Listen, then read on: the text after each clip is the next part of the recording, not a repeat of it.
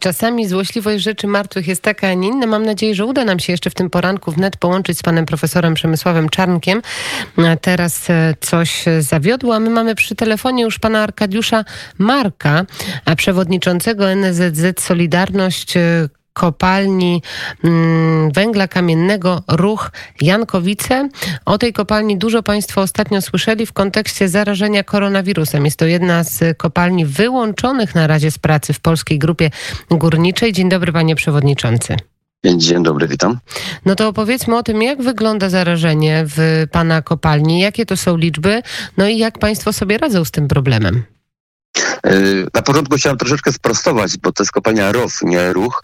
Rybnicki Okręg Węgrowy, tak, tak by można nazwać to od y, y, skrótu, dlatego to jest ROW. A jeśli chodzi o zarażenie, no niestety trafiło nas to i z tym jest y, wielki problem. Ludzie się po prostu y, boją, wszyscy się boimy. Wiadomo, jest to coś, y, czego nie znamy, czego nie widzimy, z czym trzeba walczyć tak naprawdę po ciemku.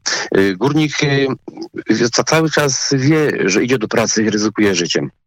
To jest normalna rzecz, do tego, do tego jeszcze jesteśmy przyzwyczajeni z pokolenia na pokolenie, ale problem polega na tym, że doszło coś nowego, coś, co teraz trzeba e, prawdopodobnie nie jesteśmy świadomi, nie wiemy, czy ktoś to na ubraniu nie przyniesie do domu, czy ktoś to nie przyniesie, wynosząc z pracy do domu, nie zostawi tego rodzinie. A na to już nie jesteśmy przygotowani, że, żeby ponosić to ryzyko i narażać rodzinę na niebezpieczeństwo. Dlatego no, jesteśmy świadomi, jesteśmy e, odpowiedzialni. Załoga stosuje się do, do wszystkich procedur, które są wdrażane ale jak widać to nie wystarcza. Dlatego na chwilę obecną mamy tak zwane e, przesiewowe badania. Wszyscy górnicy e, będą e, mieli zrobiony wymaz i tylko ci z wynikiem pozytywnym będą zaczynać tak jakby od zera, czyli restytujemy kopalnię i będą zaczynać po prostu zabezpieczać tą kopalnię, a później sukcesywnie wszyscy ci, co będą schodzić z kwarantanny i e, oczywiście ozdrowieńcy tak zwani e, będą wracać i mamy nadzieję, że to pomoże, aby to pomogło. Jak e, wyglądają liczby, tak jak zapytałam się na początku, bo ponad 100 osób, tak, w pana kopalni ma koronawirusa. Powiem pani szczerze, no od trzech dni te wyniki dopiero schodzą, więc jeśli chodzi o liczby, to się zmienia z godziny na godzinę.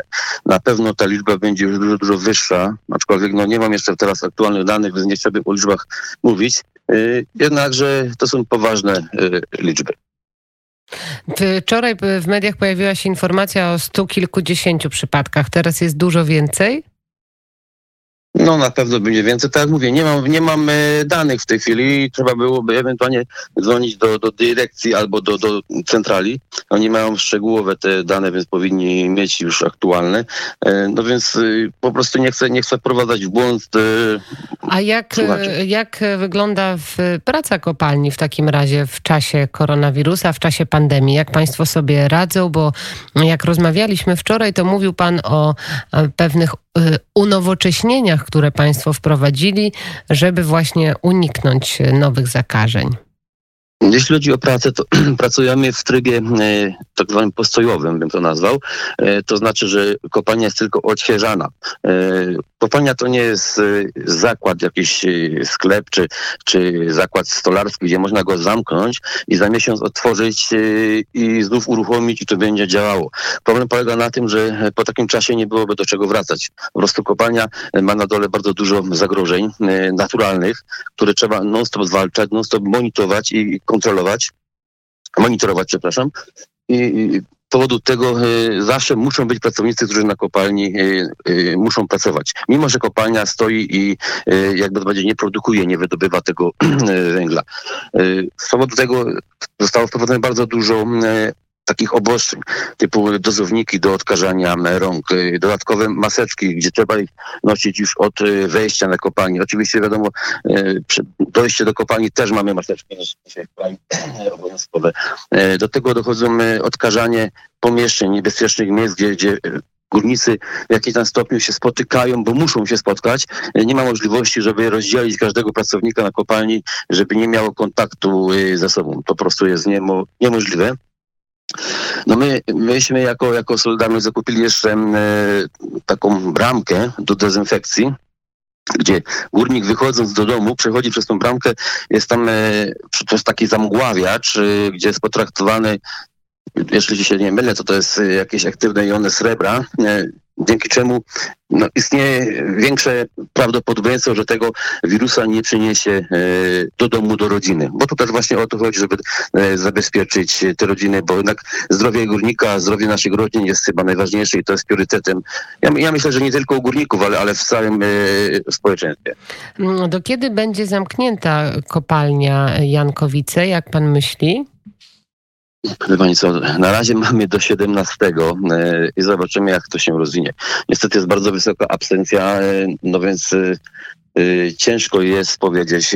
Tak naprawdę dopiero będziemy wiedzieli, jak zejdą te wyniki. Czyli jak wyjdą wyniki wymazów, które były odbierane od górników. Na chwilę obecną wiem, że jeszcze chyba 400 górników nie miało zrobionego wymazu, więc to też jest nadal analizowane, no ale czekamy na informacje z PGG. A kolejna ważna sprawa, o której na pewno trzeba powiedzieć, to tak jak pan mówi, mm, praca kopalni de facto no nie może być zamknięta całkowicie, ale na pewno jest w dużym stopniu ograniczona. Jak pan przewiduje, jakie to są, jakiego rzędu to są straty finansowe dla kopalni, taki przestój przez tyle tygodni?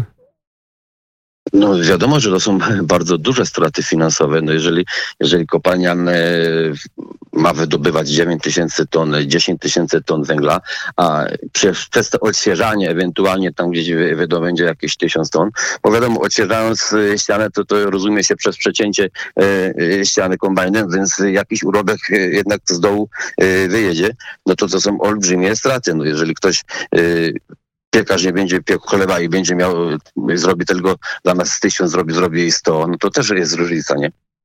No właśnie, to y, jak to, jak będzie, jak, jaki będzie miało to wpływ na wydobycie? O ile zmniejsza się w takim razie wydobycie, jeżeli kopalnia stoi przez tydzień, przez dwa, przez trzy? Y, można to policzyć? Można to oszacować?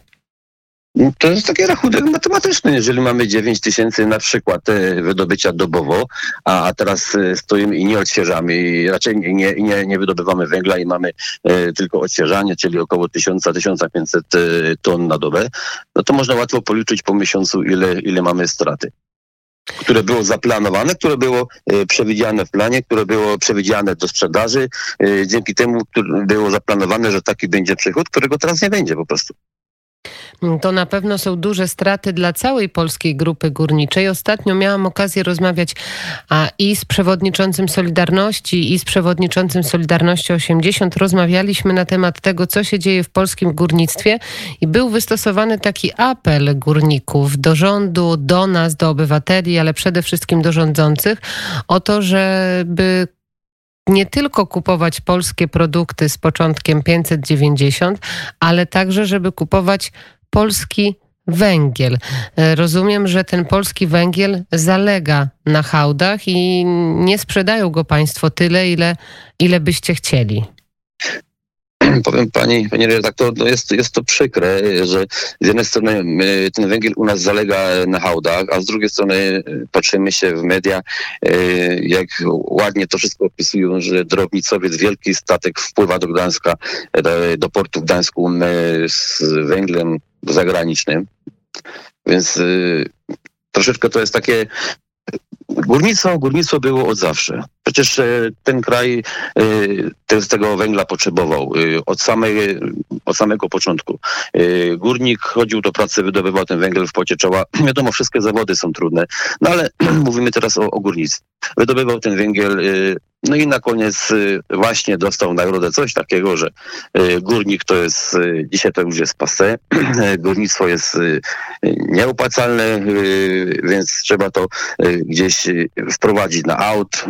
Z jednej strony naszego węgla nie pobierają, nie odbierają, mimo że było zakontraktowane, mimo że mieliśmy obiecane, że ten węgiel będzie odebrany, zapłacony. Okazuje się, że łatwiej jest przywieźć z zagranicy węgiel, a nasz węgiel zostawić na, na załach. No to taki y, smutny wniosek i smutna konstatacja. No boli to. to. To na pewno boli, bo no właśnie o tych kontraktach cały czas słyszymy, cały czas mówimy. A, a jak y, górnicy odnajdują się w tej nowej rzeczywistości z koronawirusem? Ciężko im się pracuje, czy ciężko się pa, panom pracuje? To znaczy, powiem pani tak, y, praca jako tako się nie zmieniła, tylko ta odpowiedzialność i, i ten strach przed tym, przed tym e, wirusem. Tak jak mówię, no, e, stosują się wszyscy, może ten strach nas mobilizuje do tego, żeby stosować się do procedur. E, właściciele, można powiedzieć, dyrekcja wprowadza pewnego rodzaju procedury obostrzenia no, dla bezpieczeństwa, dla bezpieczeństwa górników, nas, dla bezpieczeństwa rodzin. No, trzeba się do tego stosować. No, jedynie wspólnie możemy pokonać tego wirusa, może wspólnie y, uda nam się w końcu y, wyplenić go z tej kopalni. Tym I, bardziej, i że, tym bardziej takim... że pan mówił, że wielu bardzo górników przechodzi bezobjawowo.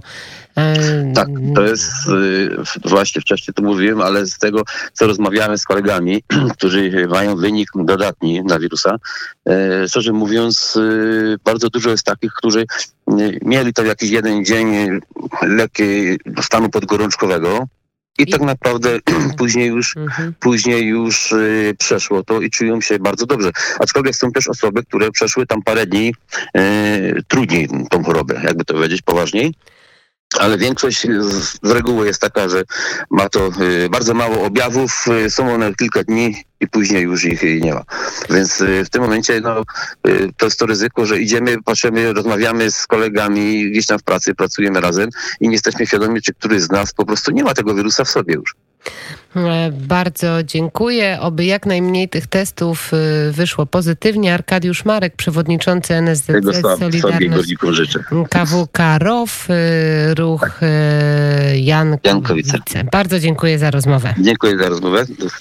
Dziękujemy bardzo. Do usłyszenia. A my teraz będziemy oczywiście słuchać wiadomości o godzinie 8, a po godzinie 8 będziemy rozmawiać z profesorem Mirosławem Matyją. Pan profesor mieszka na stałe w Szwajcarii, pracuje w Ministerstwie Gospodarki właśnie w Szwajcarii i opowie nam o sieci 5G, a także o tym, jak ta procedura tam wygląda, a także o tym, dlaczego Szwajcarzy nie noszą masek i dlaczego wszystko już tam wróciło do normy.